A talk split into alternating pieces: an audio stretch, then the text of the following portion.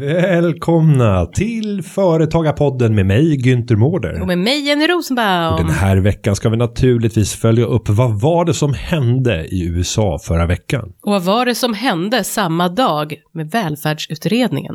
Och veckan dessförinnan så släpptes 3.12-utredningen, alltså utredningen om entreprenörsskatten där det har kommit förslag om att höja skatten på entreprenörskap i Sverige. Och vi har en fråga, vad gör man om Skatteverket kommer och knacka på dörren och begär en revision? Och efter alla dessa tunga ämnen där man kanske kan känna sig lite nedstämd och nedtryckt så har vi valt att avsluta med ett fyrverkeri.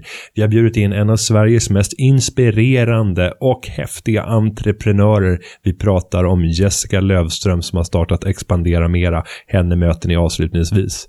Så med det så tycker jag att vi kickar igång det här avsnittet och säger Nu, kör vi! Och då tänker jag reflektera till förra veckan när vi pratade om USA-valet. Då sa en mycket vis man mitt emot mig, ena sidan kanske vägrar acceptera och det kanske blir Trump. Ja. Vad säger du? Alltså, Nej, det, var, det var eh, bra, för det var ju faktiskt så. Det blev Trump Ja. och den andra sidan vägrade acceptera. Det måste man ändå säga, det har varit ganska stora demonstrationer. Ja, och, och även på valnatten Ja. så gick ju Hillary hem från sin egen valvaka Ja. utan att ens hålla något tal. Jag tror inte ens att hon hade förberett något tal Tror du inte det? i händelse av förlust. Nej, nej, jag tror inte det. För vad är det som Hon var gör... så säker. Att man, ja, men vad är det som gör att Det man man sviker sina egna på sin egen valvaka? Alltså om det skulle hända i, i Sverige, det kanske har hänt, vad vet Mm. jag, men det, det är anmärkningsvärt att en ledare för sitt parti som har varit presidentkandidat Mm. bara drar hem och sen så kommer någon, någon, någon eh, administratör eller någonting upp i talarstolen och säger ni kan gå hem nu, det blir inget mer. Nej. Okej, men kommer inte Hillary? Ska hon inte gjuta något mod i krafterna? Nej, hon kommer Nej, inte. hon, hon, hon smet ut bakvägen. Ja. Nej, jag vet inte, jag, eh, ja, alla är väl ganska chockade och eh, samtidigt hur chockade, ja, jag vet inte, det var, det var ju väldigt konstigt. Och Trumps tal var ju också så här, eh, inleder på något sätt med att, nej, jag tyckte det var en underbar inledning. Jag gillar det där. Man kommer in. Sorry for I kept you waiting. Ja, Complicated business. ja. Complicated. det det, att det är det, här med, det här med politik, fan det är tufft. Det är riktigt tufft. Ja. Nu har jag gjort det, nu har jag blivit president, men det var tufft alltså. men gillade du, gillade business. du, eh, om, om du blir statsminister, Mm. Mm. Skulle du då ta fram och bara, jag skulle bara vilja tacka, som att det vore typ en grammis, så här, Bob, where is he? Great person. Great person. Love you. Nej men alltså det, det tyckte Och jag sen var, föräldrarna. Och så bara, my parents, great people. ja men som att han har vunnit liksom så här. Oscar. Ja, det var ju väldigt speciellt måste jag säga. Nej, men man ska även ge honom någonting i det här eh, segertalet. Mm. För att eh, han visade en helt annan sida. Det var precis som att han hade liksom kommit över nästan Hillary Clintons eh, tacktal. Fast det tycker jag, precis, och det är det jag tycker, exakt det jag tycker du var väldigt osmakligt, att man först liksom är en person och sen bara, jag vill tacka Hillary, en fantastisk kvinna, nu ska vi unite the nation, bara, nej men vänta, det var väl, det är som att han fattade så här, nu vann jag, och det var väldigt många som också inte röstade på mig, nu måste vi ha med alla nej, jag tycker jag- inte det var Men jag, tror, sympatiskt. jag tror att han eh, kanske är, är smart, att det här har varit mycket strategier. Mm. Att få maximal uppmärksamhet Mm. genom att svinga friskt, eh, lova vitt och brett, Mm. men vagt när det gäller om hur det ska genomföras. Mm.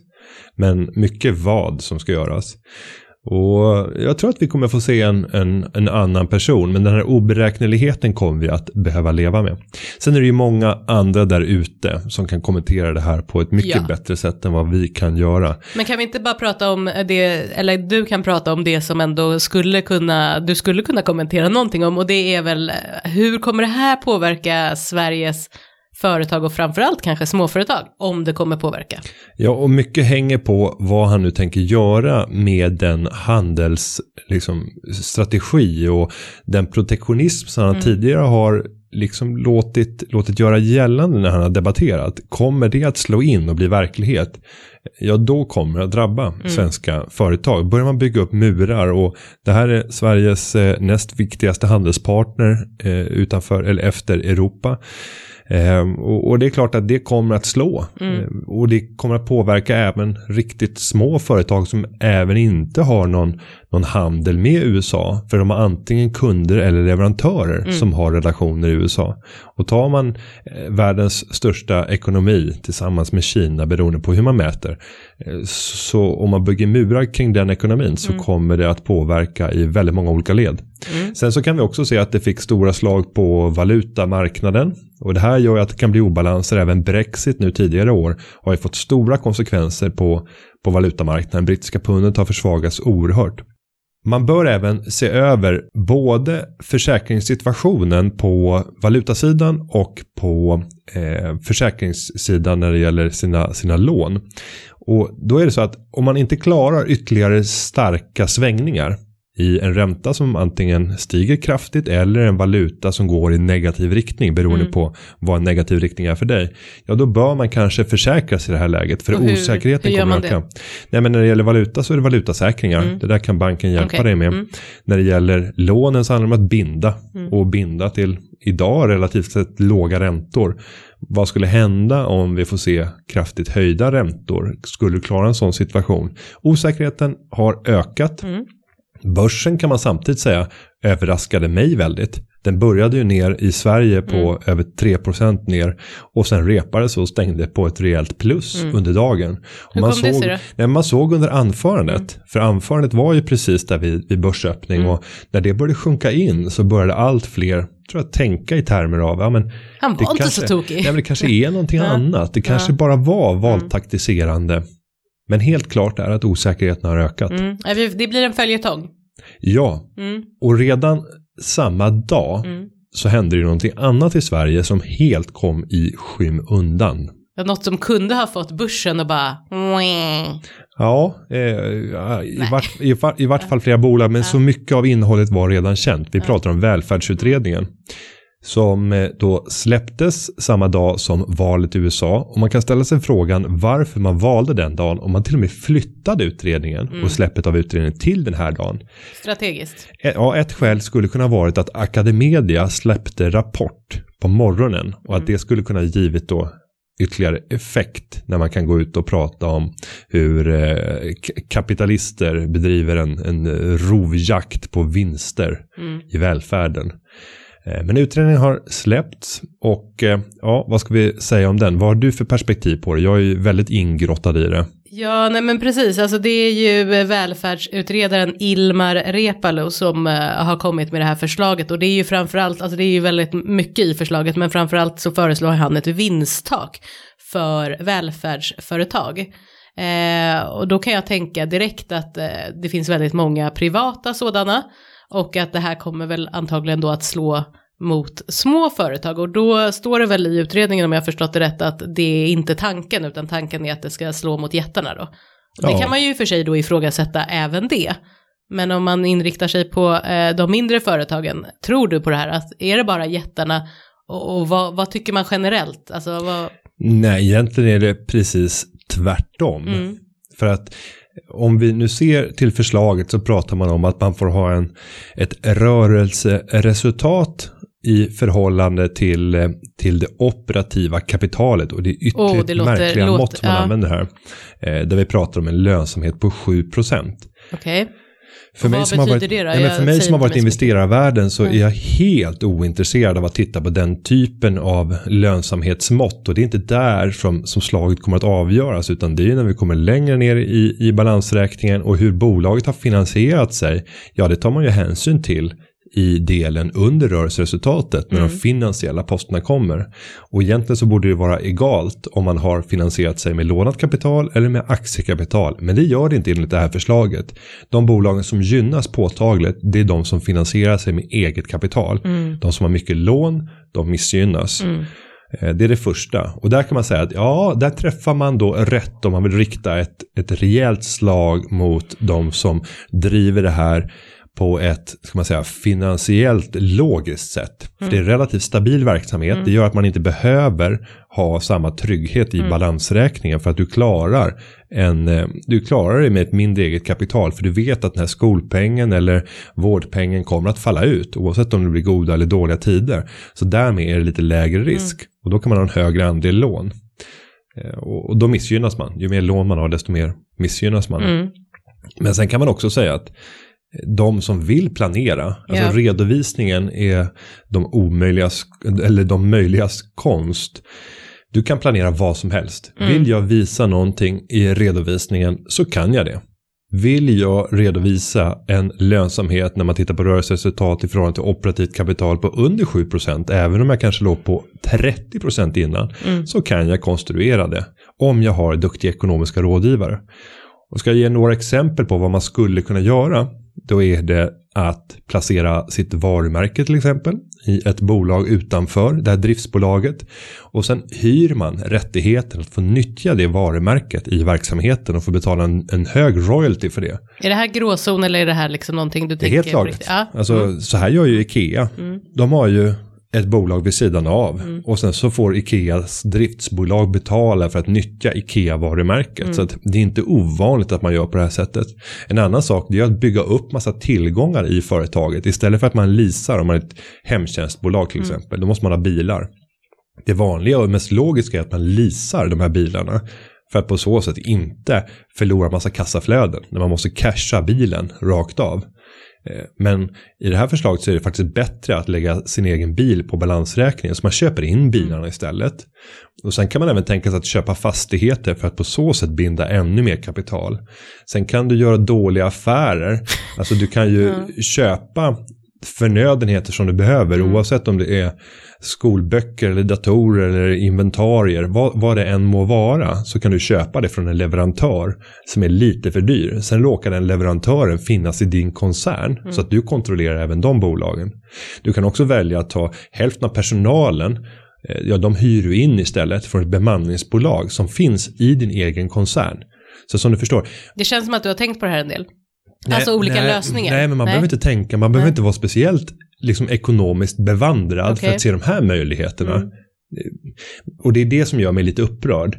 Att en utredare som har suttit och klurat på det här under lång tid och släpper en rapport på 800 sidor Mm. och har haft all tillgänglig ekonomisk expertis. Kunde ha ringt bara Günther Mårder och fått en Han kan snabbare... prata med vem som helst som Ja. håller på med lite företagsekonomi och lite redovisning eller någon revisor. Det måste han ju ha gjort. Vem har suttit Ja. med i utredningen då? Ja, det är mängder av specialister. de och, och, och det är flera av experterna som har deltagit i utredningen är ju själva kritiska till förslaget. Mm. Bland annat så är det min gamla lärare på Handels som fick ta över beräkningarna för det här vinsttaket. Mm. Och han skakar på huvudet själv och säger, men han, han fick ett uppdrag Mm. att göra de här beräkningarna. Precis, det betyder inte att han håller Nej, med. absolut inte. Så att, eh, nej, det här är i grunden ett helt vansinnigt förslag. Men det värsta, det är principen. Mm. Att man ger, ger sig på den fria rätten att bedriva ett företag. Mm. Och att man pratar om vinster som någon form av stöld. Ja, ja, ja, det är, det är hemskt att, att, att ett företag ska gå med vinst. Ja, och grunden Mm. i allt det här handlar ju om att menar, en kommun har ju köpt den här tjänsten. Mm. Och man ger samma peng till den här privata Mm. företagen som man ger till sina egna kommunala Mm. aktörer. Och sen klarar de att genomföra det här uppdraget till Mm. en lägre peng för att de har en högre effektivitet i sin verksamhet. Och, och därmed så lyckas det bli pengar över. Det som jag tycker är mest upprörande det är ju kommunala aktörers ineffektivitet. Alltså ska vi prata om läckage, vilket man har pratat om i det här sammanhanget, att det läcker pengar från välfärden till följd av de här privata aktörerna. Nej, tvärtom. Det läcker pengar till följd av att vi har massor med ineffektiva kommunala offentliga aktörer som skulle behöva shape upp sig. Och jag skulle vilja rikta ljuset mot kvalitetsfrågan. Mm. Ja, om jag står i begrepp att köpa en produkt eller en tjänst så är jag helt ointresserad av att veta Om det är vad- privat eller kommunalt. Ja, Mm. eller om den här aktören som jag köper produkten av tjänar mycket eller lite pengar. Mm. Jag är intresserad av vilken kvalitet har produkten, Mm. vilket pris har den. Mm. Vilken service får jag? Vilka andra tillgängliga alternativ finns? Nej men absolut, och det är klart att är det, blir det sämre, då kan man ju börja ha de här tankarna att vadå, om det nu är så att, men vadå, de roffar åt sig massa pengar men kvaliteten tummar på kvaliteten. Då är det ju en annan... Då ska man inte vara nådig. Nej, exakt. Då ska det är man inte vara nådig. Nej, det är inte det som saken gäller här. Nej, Nej och eh, det var ju flera som ställde frågan till Ilmar. Varför fokuserar du inte istället på kvalitetsmåttet? Mm. Och vad svarade han då? Varpå han svarar att det blir alldeles för komplicerat att mäta det och det skulle gå väldigt mycket resurser åt att kunna leva upp och liksom följa upp kvalitet.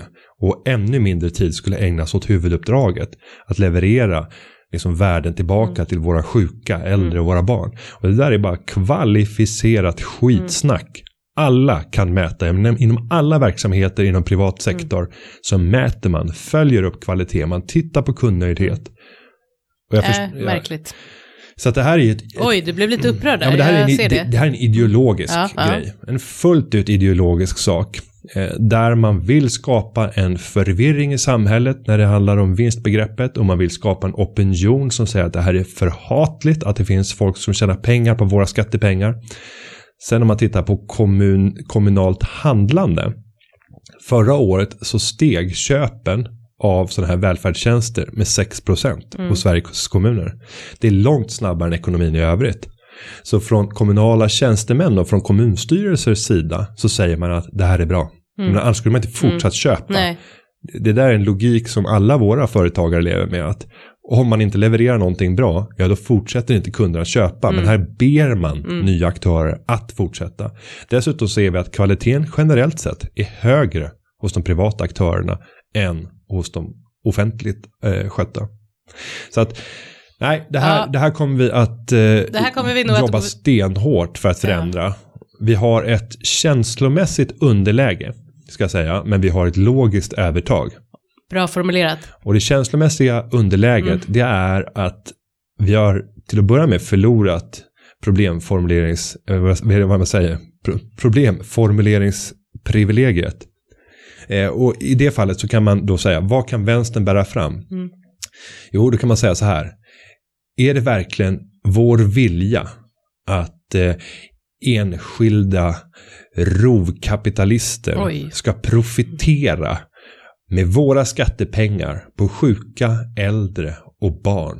Är det vår vilja att de ska få profitera på det sättet? Dessa kapitalister till utsugare. Oj, oj, oj. Ja, och, och jag, presenterar man på det sättet så skulle min, min spontana reaktion där är ju Ja. Eh, Jajamän, jajamän.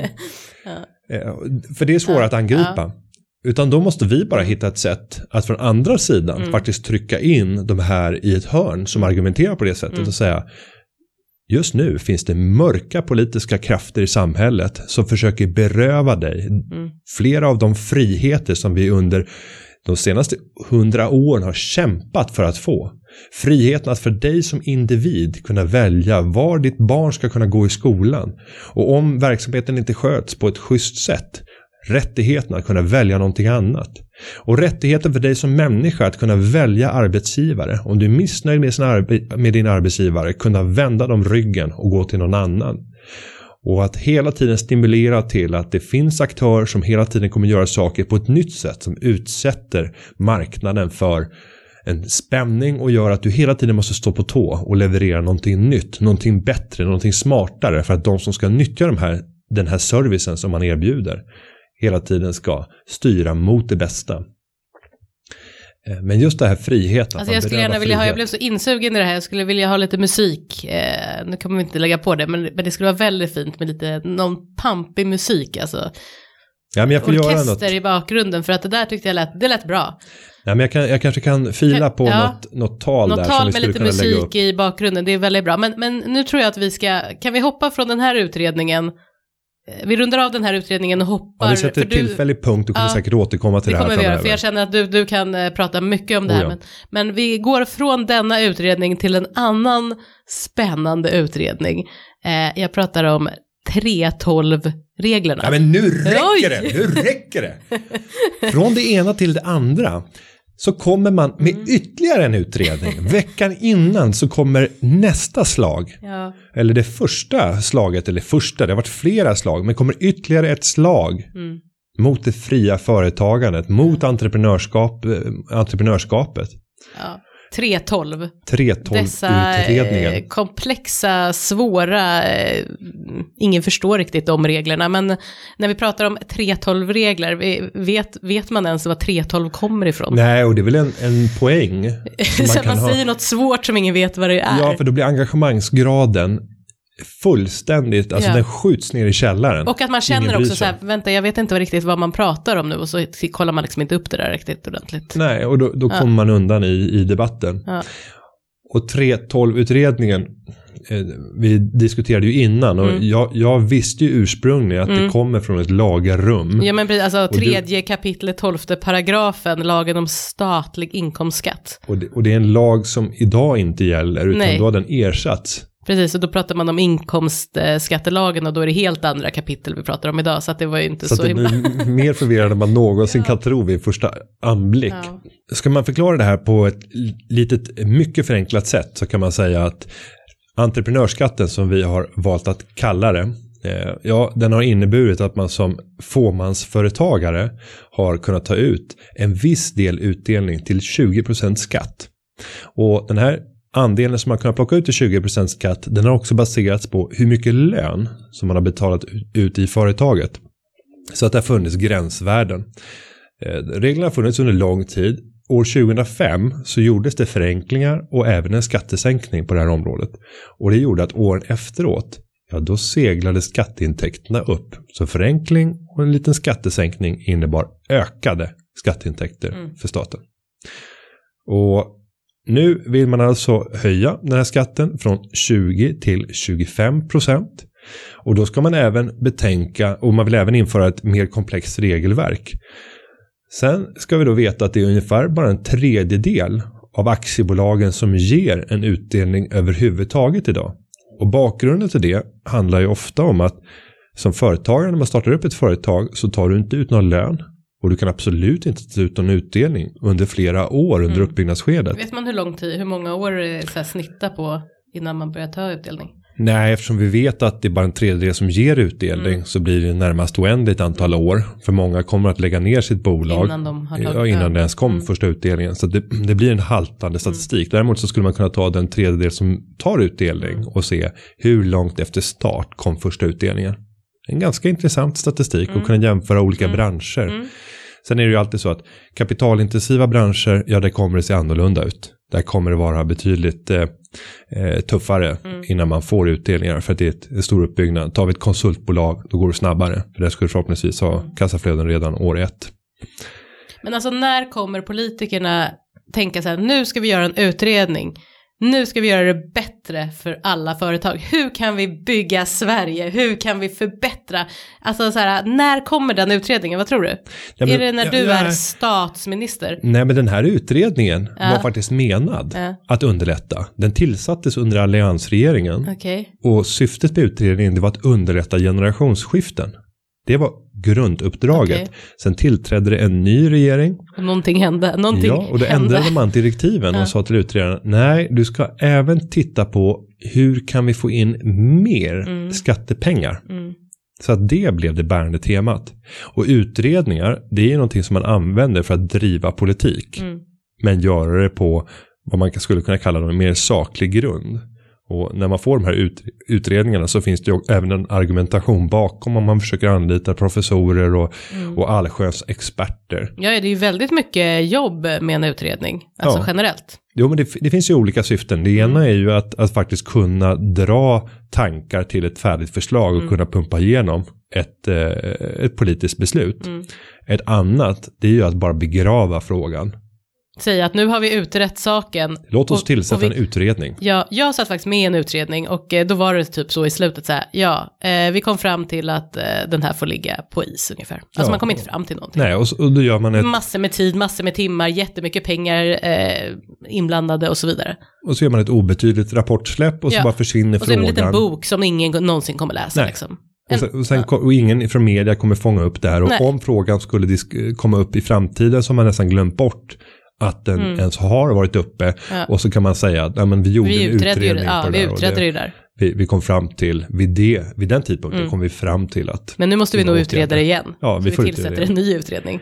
Men i det här fallet så, så vet man att ja, man kanske inte kommer att kunna vinna framgång tidigast så kan man få det här till stånd 1 januari 2018. Mm. Och det finns ingen retroaktivitet i det här så man får inte ändra tillbaka i tid utan det är bara framåt Mm. som gäller. Och 2018 då är det ett valår. Eh, Min uppfattning när jag lyssnar på de borgerliga partierna och även på Sverigedemokraterna så är det ingen som hyllar det här och säger att man stödjer det. Och det gör att det är känsligt att i ett sånt läge gå fram med ett sånt förslag och göra förändringar så nära in på ett val. Mm. Mm. Vi vet inte vad som kommer hända. Nej. Nu ska utredningen ut på remiss här och vi ska få ge våra synpunkter på den. Vi hade ju till och med vår skatteexpert Annika Fritsch i utredningen. Hon har väl skrivit också ett, ett, Ett- särskilt yttrande. Ja, Mm. Hon tillsammans med flera andra Mm. bland experterna skrev ett särskilt yttrande eh, som var väldigt kritiskt Mm. mot det här förslaget.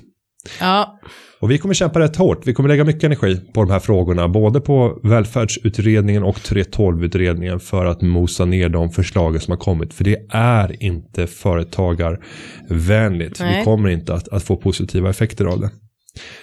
Ska vi gå vidare till eh, en eh, fråga? Mm. det tycker jag. Vill du läsa? Ja, det kan jag göra. Och det är en, en fråga från en person som tidigare har, har responderat eh, och, och skickat in frågor till oss. Och det är Per Nord som har skickat in via Twitter. Och vi ska uppmana alla som har möjlighet eller en tanke om en fråga att skicka in frågor. Men gärna, vi vill ha många att välja mellan. hur gör vi då? Ja, men då kan vi ju då, vi kan ju skicka in via Twitter, vi, och det, vi kan ju skicka in via Instagram och Hashtag via hashtag företagarpodden, precis. Och sen så har vi ju även eh, företa, företagarpodden.se där man kan gå in, eh, bland annat. Och vi har även en Facebook-sida, vi har så många, vi har så många. Mhm. Jag fick en fråga faktiskt till min personliga mail, Ja, jenny.rosenbaum, företagarna.se, där får ni skicka också om ni vill. Ja, Men det, eh, men det bästa är att gå via ja, de här kanalerna. För då hjälper min eminenta eh, Güntern, Mm. Amanda, till att sammanställa det. Så att vi inte missar någonting. Mm. Men nu går vi till Per Nord. ja. Och han säger så här. Hur går en revision till och vad behöver en liten soloföretagare ha redo när Skatteverket knackar på dörren? Oh. Och det Per Nord i den här frågan förmodligen menar det är när Skatteverket ska göra en skatterevision. Mm. Alltså inte en vanlig revision Nej. där du själv har beställt en, en revisor. Nej, nej, precis. Då kommer de knacka på dörren. Ja, Ja. men det här Nej, är lite men- annorlunda. Vad är, vad är det som händer? Ja, nej, Skatteverket men alltså, bestämmer sig för att göra en precis, revision. en revision är ju när Skatteverket beslutar att granska eh, uppgifter som man helt enkelt har lämnat in för att se att de uppgifterna stämmer och att skatten blir korrekt kan man väl säga kortfattat. Eh, och det här är ju ingenting som man oftast då kommer att knacka på dörren om och sen så har man ingen aning. Det kan i och för sig vara så, eh, ska vi säga, när det handlar om personal, eh, om man har en personalliggare. Mm. Då kan det ju vara så. flygande. Mm, men i det här fallet så var det här en soloföretagare så att jag tror att chansen är mycket liten att eh, man bara kommer att knacka på dörren utan det kommer komma ett brev på posten. Och då eh, finns det ju underlag där med frågor och eh, eh, så man kan ju absolut ha tid på sig. Det är inte så att det blir någonting eh, som är en liksom surprise. Så.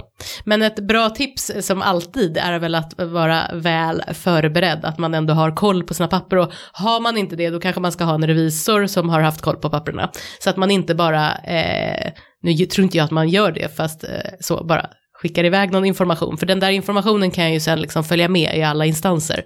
Så det är ju rätt bra att det blir rätt från början tänker jag. Men, men man ska tillägga att även om man skulle kunna komma och knacka på dörren så har man ändå rätt faktiskt att begära, kanske inte på alla frågor då, eh, men, men på de flesta frågor att man begär skriftlig, skriftligt underlag och att man också säger att man vill återkomma med skriftlig information efter att man har undersökt saken. Och ska man eh, prata så här lite taktiskt.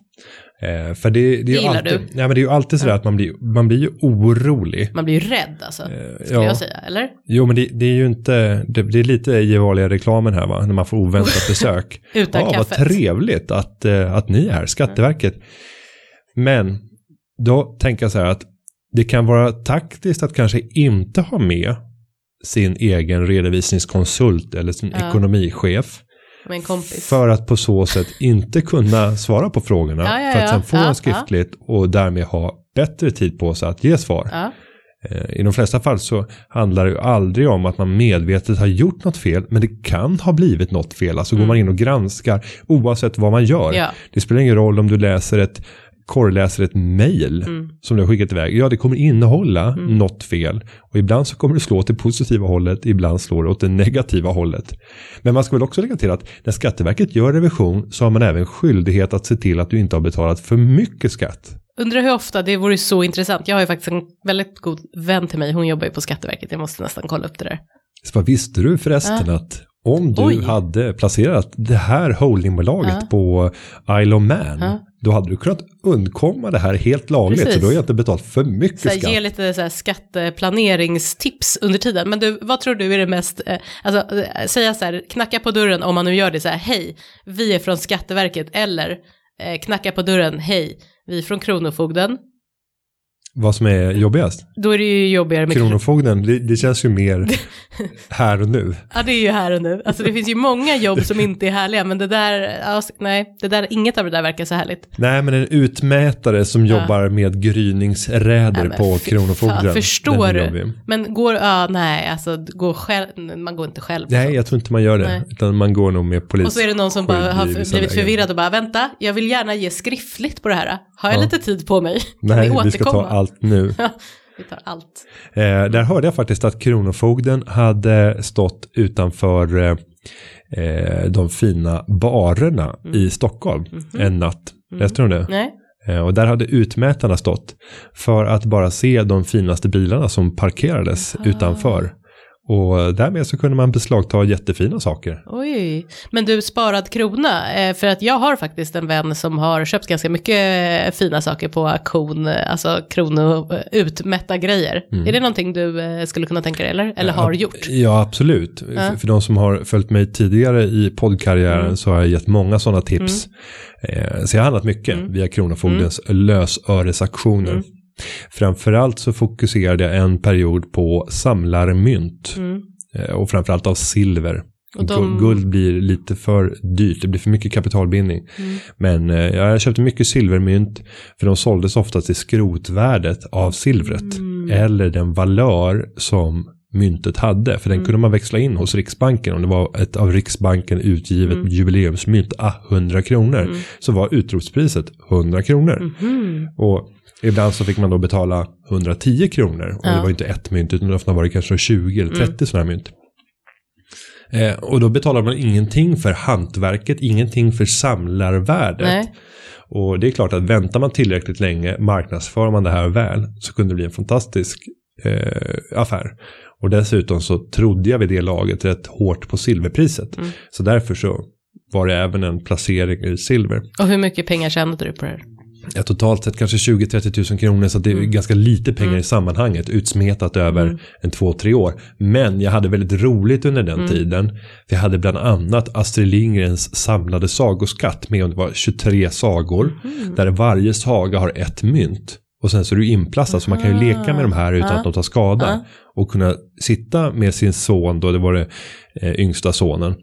Och, och berätta om de här olika sagorna. Visa Pippi Långstrump och Mio Mimi och Bröderna Lejonhjärta. Fanns ett mervärde? Ja, det var det. Och få öppna pappas träetui med de fina Mm. Oj. mynten. Alltså det var, det var en högtidsstund. Så att utöver att man tjänade pengar på det så var Och det även var en rolig sålde sak. du, alltså vart sålde du vidare till? Nej, jag Eller- det på nätsajter. Ja, på nätsajter. Ja. Ja. Mm.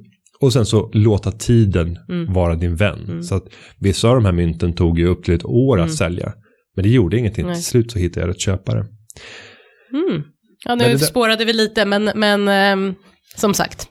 Nej, och jag, jag testade också, om vi ska ge ett avslutande Ja. tips till, till Per Nog, Mm. så är det ju även att gå in på Google och bara sök på eh, skatterevision. Hur går det till? Alltså det Eh, finns ju väldigt eh, enkel, eh, de har ju många informationsblad, men Skatteverket har ju en, ett informationsblad som heter just det. ja, Allmän information om, eh, om revision. men, men ibland så är det bra att läsa andra aktörer Jag än tänkte, precis, Skatteverket. ja, men jag tänkte själv. precis säga att man kan ju börja där och sen så kan man ju hoppa vidare till Flashback sen då. Mm. Nej, men det, det finns mycket att, att ta del av. Eh, men det viktiga är att man inte ska stressa upp sig. Och den här Nej. generella regeln gäll, gäller ju som alltid vid myndighetskontakt. Var Att väldigt trevlig. väldigt trevlig. Ja, Väldigt trevlig. väl- Bjud gärna på en kopp kaffe. Var välklädd, alltså målet inledningsvis, det är att personen som du möter ska hysa ett stort förtroende för dig. För det kommer underlätta i så många sammanhang. Och det gäller även om du blir liksom stoppad för att du eh, svängde för mycket vänster i en eh, sväng där man inte får svänga vänster. Och så kom För mycket blå. vänster i en sväng där man inte får svänga Där man inte överhuvudtaget. fick svänga vänster överhuvudtaget. Och så kommer polisen bakom dig. Att bara ha en väldigt trevlig attityd. Och lite att vara, kaffe. Vara, nej, men, nej men riktigt likable. Ja. Och så förstående. Medgörlig, en trevlig prick. Mm. En sån som man, åh, en riktig svärmorsdröm. En svärmorsdröm som svängde vänster där man inte fick svänga vänster. Ja, men vi kan sammanfatta det med att säga att var vänlig, var liksom förtroendegivande och positiv i alla dina myndighetskontakter. Apropå trevlig Ja. och inspirerande och en person som jag tycker eh, ja, inspirerar på många sätt. Så var jag förra veckan på mässan Eget Företag. Mm. Och där så körde vi en kort livesändning av Företagarpodden med enbart en enda intervju. Jag fick förmånen att eh, intervjua en av eh, Sveriges mest framgångsrika entreprenörer som har gjort mängder av eh, startups och börjat sälja olika saker och både lyckats och misslyckats men nu kommit att lyckas något fantastiskt. Hon har gett, in, gett sig in i en bransch som är fullständigt mansdominerad. Hon har kämpat mot facken som ville se hennes verksamhet bara förgöras. Men hon, Mm. Hon, vägrade hon ge har sig. varit trevlig. Hon har varit trevlig. Ja, väldigt trevlig. Hon har varit förbannad, Ja, men, men hon en- har varit ja, trevlig. exakt. Och hon har haft ett driv som saknar motstycke. För mig var det en stor stund att få träffa henne. Och ni ska nu få bjudas på det här samtalet tillsammans med Jessica Lövström som är grundare av Expandera Mera. Varsågoda. Välkommen Jessica Lövström till Företagarpodden Live här på Mässan Eget Företag. Eh, ja, du är verkligen för mig sinnebilden av en äkta entreprenör. Idag när man ser dig så är ju du otroligt framgångsrik. Du har ett av Europas största bemanningsföretag inom byggbranschen. Men livet har inte alltid sett ut så. Nej, det har det verkligen inte. Att vara pionjär i en konservativ eh, mansdominerad sektor är inte helt lätt alla gånger. Eh, och när jag startade Expandera Mera som är mitt byggbemanningsföretag så var vi det första byggföretag, eller byggbemanningsföretaget som startade i Sverige. Jag tyckte att jag hade kommit på världens bästa affärsidé, men det var många som inte tyckte det. Och det här var inte det första företaget du hade startat. Vilket Nej. i ordningen var det? Hur många företag hade du startat innan Expandera Eh. Mera blev verklighet? År 2000 var det va? Ja, år 2000. Nej, jag startade mitt första företag, jag minns inte exakt årtal, men 95 eller något sånt där. Jag hade bott i Italien och kom hem då det var lågkonjunktur i Sverige. Och jag hade aldrig varit speciellt duktig i skolan, men så tänkte jag att nu får jag nog ta tag i det där och börja plugga. Eh, och, och då fick jag ju lov att börja plugga på komvux. Eh, jag vet inte om det finns kvar idag, men då fanns det. Eh, och jag pluggade trippelhastighet, men ändå om jag gjorde det så insåg jag att det här kommer ju ta sjukt lång tid innan jag blir jurist eller whatever. Och då tänkte jag då får jag starta ett eget företag och så, och så började jag där och då. Eh, och det har varit ett gäng olika företag som jag har haft faktiskt. Så om vi tar import av pasta, vad blev det sen? Först var det import av pasta, för då hade jag ju varit i Italien. Eh, och, och tyckte det var en lysande idé. Att, att, och det var färskfrusen pasta. Eh, och det gick bra, men när vi började få volymer så italienare är inte alltid att lita på helt och hållet. Så eh, ibland när vi då beställde en viss typ av pasta så fick vi en annan typ av pasta. Och kruxet var att vi sålde det här till restauranger som hade skrivit till exempel penne då i sin meny. Då kan det ju inte komma tortelloni, för då fick de göra om hela menyerna. Eh, så, så det där gav jag upp. Och sen eh, så hade jag också då samtidigt, då var det vattenfestival i Stockholm. Eh, och då tänkte jag att eh, ja, men då ska jag sälja eh, souvenirer till eh, turisterna. Och då var det Älg Souvenirer samtidigt som jag hade mitt pastabolag.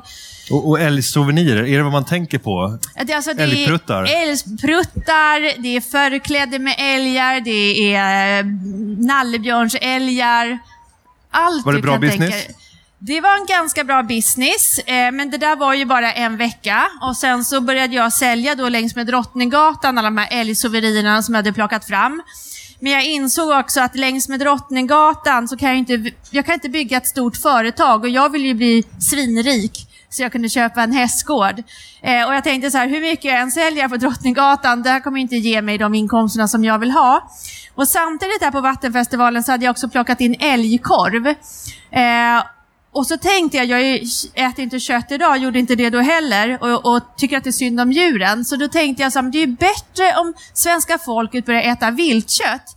För de djuren har det ju väldigt bra i skogen och sen skjuts de så dör de. Eh, och så är det mycket nyttigare för de blir inte sprutade med antibiotika och allt möjligt. Så då satte jag igång Viltköket där vi skulle då frälsa Sverige med viltkött. Så en vegetarian som bestämmer sig för att bli stor på viltkött? Ja. Ja, Exakt och det stannade inte där? Nej, det, eh, nej, precis. För vad som hände där, det var ju att när jag hade min alldeles fantastiskt lysande idé och gick ut till Åhléns och Dagab och alla och berättade att nu ska ni ha viltkött i era butiker. Eh, och eh, jag berättade hur Salahallarna gör, för det är ju inte färskt kött de har var, året om, för det finns inte året om, utan de tinar ju upp. Och då sa jag till de här, men ni kan göra samma sak, ni kan tina upp köttet, ni har en hylla där det står viltkött. Jag hade ett helt fantastiskt koncept. Men de var inte intresserade. Eh, och då tänkte jag, vilka dumma gubbar, som jag brukar tänka. Och eh, jag var yngre då. Eh, och sen så gick jag ändå till ICA-handlarna, för alla ICA-handlare är ju en egen företagare, så de får ju bestämma själva. Så då tänkte jag, de där är säkert lättare att övertala. Och det var det också. De ville ha mitt viltkött och så började jag sälja till dem. Och för att vi skulle lyckas sälja iväg lite volymer så hade jag demonstratiser. Det är sådana som står och bjuder på kött eller står och bjuder på mat då, med, med recept och så. Och då tog jag mina allra trevligaste och sötaste vänner som var demonstratiser. Och de var så himla framgångsrika, mina demonstratiser, så att det var väldigt många andra företag som ville hyra mina demonstratiser. Och samtidigt som jag började hyra ut demonstratiser så kom faktiskt Dagab och så sa de, du vi vill köra Viltköket-konceptet i hela Sverige. Och då skulle det gå från att vara en ganska liten affär till en väldigt, väldigt stor affär. Och då tänkte jag så här, jag som är vegetarian, tycker jag, vill jag hålla på med det här hela livet och sälja viltkött? Jag tycker faktiskt inte att det är så kul och att det är helt okej att man skjuter djur heller. Så då la jag ner den verksamheten och så hyrde jag ut demonstratiser istället. Och om vi nu ska försöka summera den här första delen av entreprenörskapet som förmodligen la grunden för det du gör idag och att Ja. du har blivit så framgångsrik. Vad är det för lärdomar du tar med dig som du kan förmedla till andra som kanske precis har kommit igång eller tänker att starta sitt företag nu? Något som jag tror är jätteviktigt och som jag uppmanar alla som jag träffar. Eh, jag är distansmentor till några, för jag har så begränsat med tid. Men om de skickar mejl till mig så svarar jag på dem, så kallar jag för distansmentor. Och då säger jag så här, strunta i att få en perfekt produkt. Strunta i att ha allting givet och klart, affärsplan, hemsidor, visitkort. Skit i det, ut och sälj. För när ni är ute och säljer, det är då ni lär känna marknaden och det är då ni förstår vad marknaden ska ha. Så det går inte att skapa den perfekta produkten, för den kommer aldrig att vara perfekt. Den kommer att behöva utvecklas och förändras hela tiden. Så skit i perfekthet, ut och sälj på en gång. En annan sak, det är ju också när man har varit på ett sånt här tillfälle med sin eget företag. Man får massor av inspiration, massa nya kontakter, idéer. Energin är jättefull när man kommer hem. Men sen kommer det om några veckor en vardag som tränger på med blanketter från Skatteverket, och Bolagsverket, och Patent och registreringsverket. Hur gör man för att hålla ångan uppe? Och se till att det blir business? För det är mycket byråkrati innan det blir business. Det är det. Eh, har man råd så kan man ta hjälp. Har man inte råd, det hade inte jag initialt, då får man Alltså, sov ordentligt så att du är utvilad och sen så tar du tag i, din, i allt som behöver ta tag i. Och ibland kan det vara sådär, eh, och det gäller ju även när man är anställd, att man kan känna att arbetsbördan är så stor så man inte ens vet var man ska börja någonstans. Eh, men om man är väldigt strukturerad, och det måste man liksom lära sig att bli om man ska vara egen, då får man strukturera upp Ah, vad består den här arbetsbördan av egentligen? Hur mycket är det? Så får man dela, börja dela upp och skriva ner på en lapp. Det här går snabbt, det kan jag göra snabbt, det här är stora grejer, det här tar lite längre tid. Och sen kör man de snabba grejerna först och så börjar man beta ner. Och vartefter man börjar beta ner så kommer energin tillbaka. För man känner och tänker, fasiken det var inte så himla mycket som man tänkte. Men när man har bara den här jätteogreppbara arbetsmängden så kan det kännas som, det här kommer jag aldrig klara av, jag kommer inte orka det. Så bryt ner och så kör. Hur, hur har du tänkt när det gäller i förhållande till att bygga ett team och att ha människor som kan komplettera dig och dina styrkor och svagheter och vara ett komplement till det? Mm. Hur har det sett ut genom de olika delarna av företagandet som du Ja, haft? Och vi har ju varit i så många olika faser. Vi har ju också eh, under en period, i och med att vi var det första byggbemanningsföretaget, bråkat med en fackförening som heter Byggnads, som är en av världens starkaste fackföreningar. Och det tog sju år innan vi fick hyra ut byggnadsarbetare. Sju år? Sju år. Så du gav inte upp? Nej, jag är väldigt envis. Det måste man vara med andra Ja. ord. Ja. Men eh, då har det ju varit olika personer som har varit och hjälpt mig i olika faser. Och det där måste man också inse att bara för att man har anställt någon eller jobbar med någon så behöver inte det vara för all framtid och man behöver liksom inte gifta sig utan vissa personer är bra i vissa perioder. Var heller inte rädd för att anställa en, period, en person som du känner, men den här kan inte vara med och hjälpa mig att lyfta det här företaget till 100 miljoner. För att du kommer kanske inte hitta den där människan som kan hjälpa dig att lyfta företaget 100 miljoner när du omsätter en miljon. Utan då kanske du behöver ha en viss typ av människor. Sen får man jobba liksom och byta ut. Men då såklart ska det ske på ett schysst sätt. Det är viktigt. Och idag var det 15 år sedan då, ungefär som du, 16. 16, år sedan som du grundade Expandera Mera och idag så omsätter du 100. över 100 miljoner. Ja. Och har, hur många anställda är det? Över 100 stycken? Ja, det är strax under 200. Strax under 200. Ja.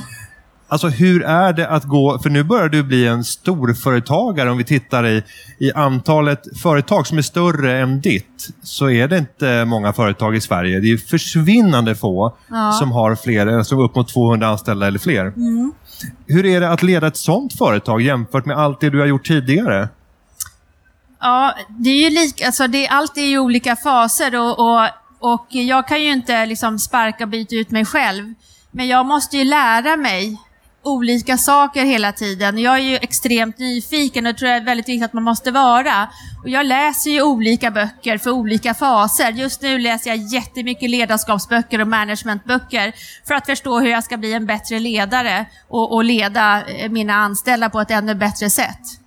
Och om vi tittar på framtiden, för nu har du ändå vågat avsluta många liksom, företag och gått vidare till någonting nytt. Och Det känns inte som att du kommer att leva och dö i eh, byggbemanningsbranschen, utan det finns den här hästgården med, med den stora drömmen. Men, men Ja. samtidigt så tror jag heller inte att du skulle bli nöjd om du blev sådär svinrik så att du kunde köpa den fantastiska hästgården. Utan det finns någonting mer i dig som gör att du kommer vilja kasta dig över helt nya typer av utmaningar. Stämmer min analys? Ja, verkligen. Jag är ju mer, om man tittar på mig som personlighet, så är jag mer som en serieentreprenör. Nu har det tagit så väldigt lång till, tid att få till det här expandera mera. Det har tagit 16 år, men hade det gått bra på en gång, hade Byggnads inte jäklas med oss från början, då hade jag säkert släppt det mycket tidigare. Men i och med att det var så extremt svårt och var så stora utmaningar, det triggar mig jättemycket. Så att ju tuffare motstånd jag får, desto mer energi får jag för att lyckas. Och det där är ju kanske inte det mest vanliga mänskliga draget. Att ju mer motstånd jag får, Nej. desto mer energi Nej. får jag. Eh, Hur ska man göra om man inte besitter den typen av egenskap och just möter de här motstånden i sitt företag? Jag tror att du måste försöka hitta motorn i det. Jag hittade motorn i ilska.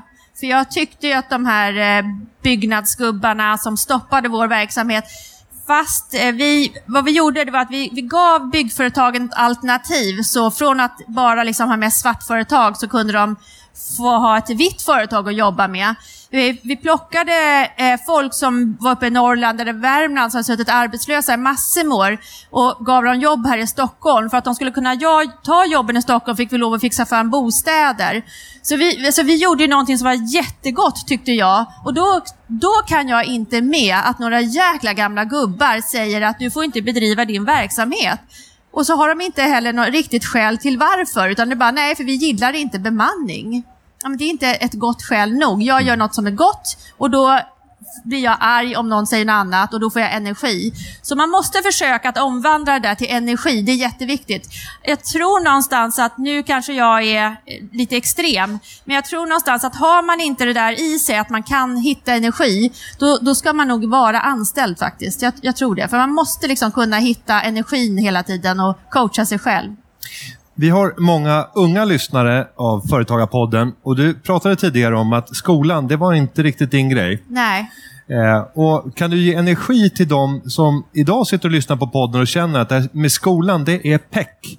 Men Ja. jag har ett driv, jag har ett engagemang, Ja. men det gäller bara att jag hittar hur jag kan kanalisera det och hur jag skulle kunna använda det till ett företagande till exempel. Mm. Ja. Hur gjorde du från att sitta i en struktur där säkert självförtroendet drabbas negativt, för man förhåller sig hela tiden till andra ungdomar och man mäts på betyg. Och, hur gjorde du för att vinna det självförtroende som behövs för att Eller, ta de här stegen? Så här, jag, eh, jag brydde mig inte så mycket. Så att jag blev inte, om jag hade dåliga betyg i något ämne, det, det struntade jag i. För jag tyckte att det ämnet var så ointressant. Eller att den läraren inte lärde ut på ett bra sätt. Jag hade bra betyg i de ämnen som jag tyckte var intressanta. De andra ämnena så gick jag inte ens dit ibland. Nu är det här absolut ingen uppmaning till att folk inte ska gå i skolan. För man kan säga att det får man ju ta i kapp väldigt mycket sen efteråt. Så jag har ju, får ju liksom plugga kapp hela tiden väldigt mycket. Men eh, alltså har du drivet, många företagsledare, det är ju driv du ska ha och jag känner ju väldigt många andra entreprenörer. Och det finns nog väldigt många som inte var så duktiga i skolan och väldigt många med diverse kombinationer, ADHD och så vidare. För vad de har gemensamt, de har ett jäkla driv allihopa. Sen får man lära sig resten. En annan sak som du har varit väldigt skicklig på, som du säkert redan hade då, det var ju det kommunikativa. Och Du har ju lyckats både i den fysiska kommunikationen men också i den digitala kommunikationen. Vår relation, den sträcker sig ju tre år tillbaka i tiden, men vi sågs första gången för ungefär ett år sedan. Ja. Eh, men då hade vi haft kontakt i sociala medier och vi hade rätt bra koll på varandra. Eh, hur har du tänkt när det gäller dina strategier att även kommunicera digitalt? Hur medvetet har det varit? Jag, eh, jag, jag har ju ett jättestarkt rätt-patos och drivs väldigt mycket av att det ska vara rätt ordning och reda och att jorden ska liksom vara eh, jämlik och sund och sådär och arbete och, eh, och och, så att jag driver väldigt mycket frågor som är viktiga för mig och som har blivit viktiga för Expandera Mera. Vi driver jättemycket om jämlikhet, jämställdhet och framförallt att få till en sund byggbransch där vi, det är jätteknepigt. Eh, och jag blir ju extremt arg, irriterad och ledsen när jag ser att det inte är så. Och då driver jag de frågorna väldigt hårt och då driver jag dem på de kanalerna där det fungerar lättast. Och det är idag sociala medier. Dessutom är det gratis. Och som företagare så ska man se till att hålla i varje krona. Det är jätteviktigt.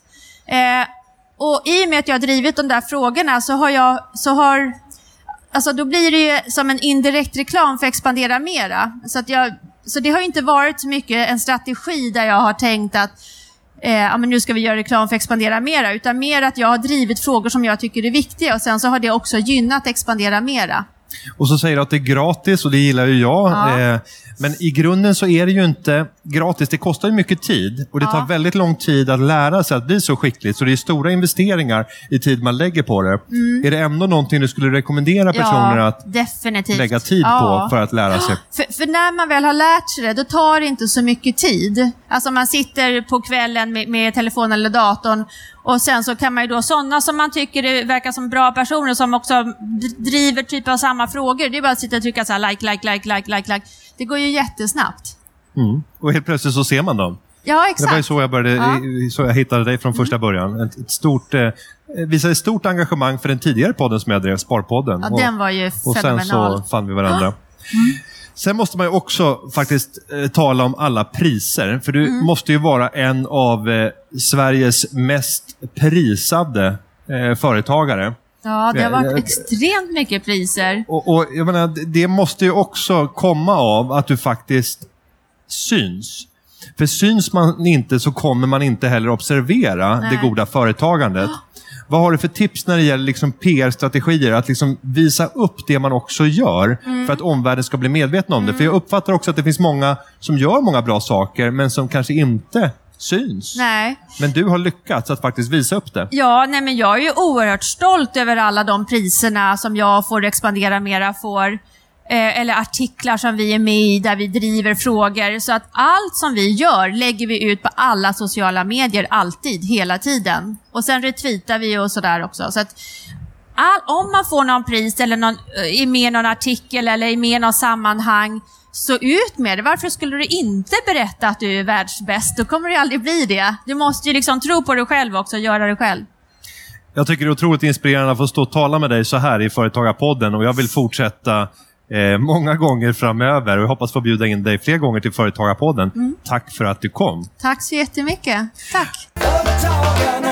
Och där är vi tillbaka. Günther Mårder Och Jenny Rosenbaum. i Företagarpodden. Härligt. Ja, Jessica Lövström, vilken idol. Mm. Så häftigt. Vilken resa. Ja, och jag hoppas att vi kan få ha med henne i något annat sammanhang här i Företagarpodden framöver.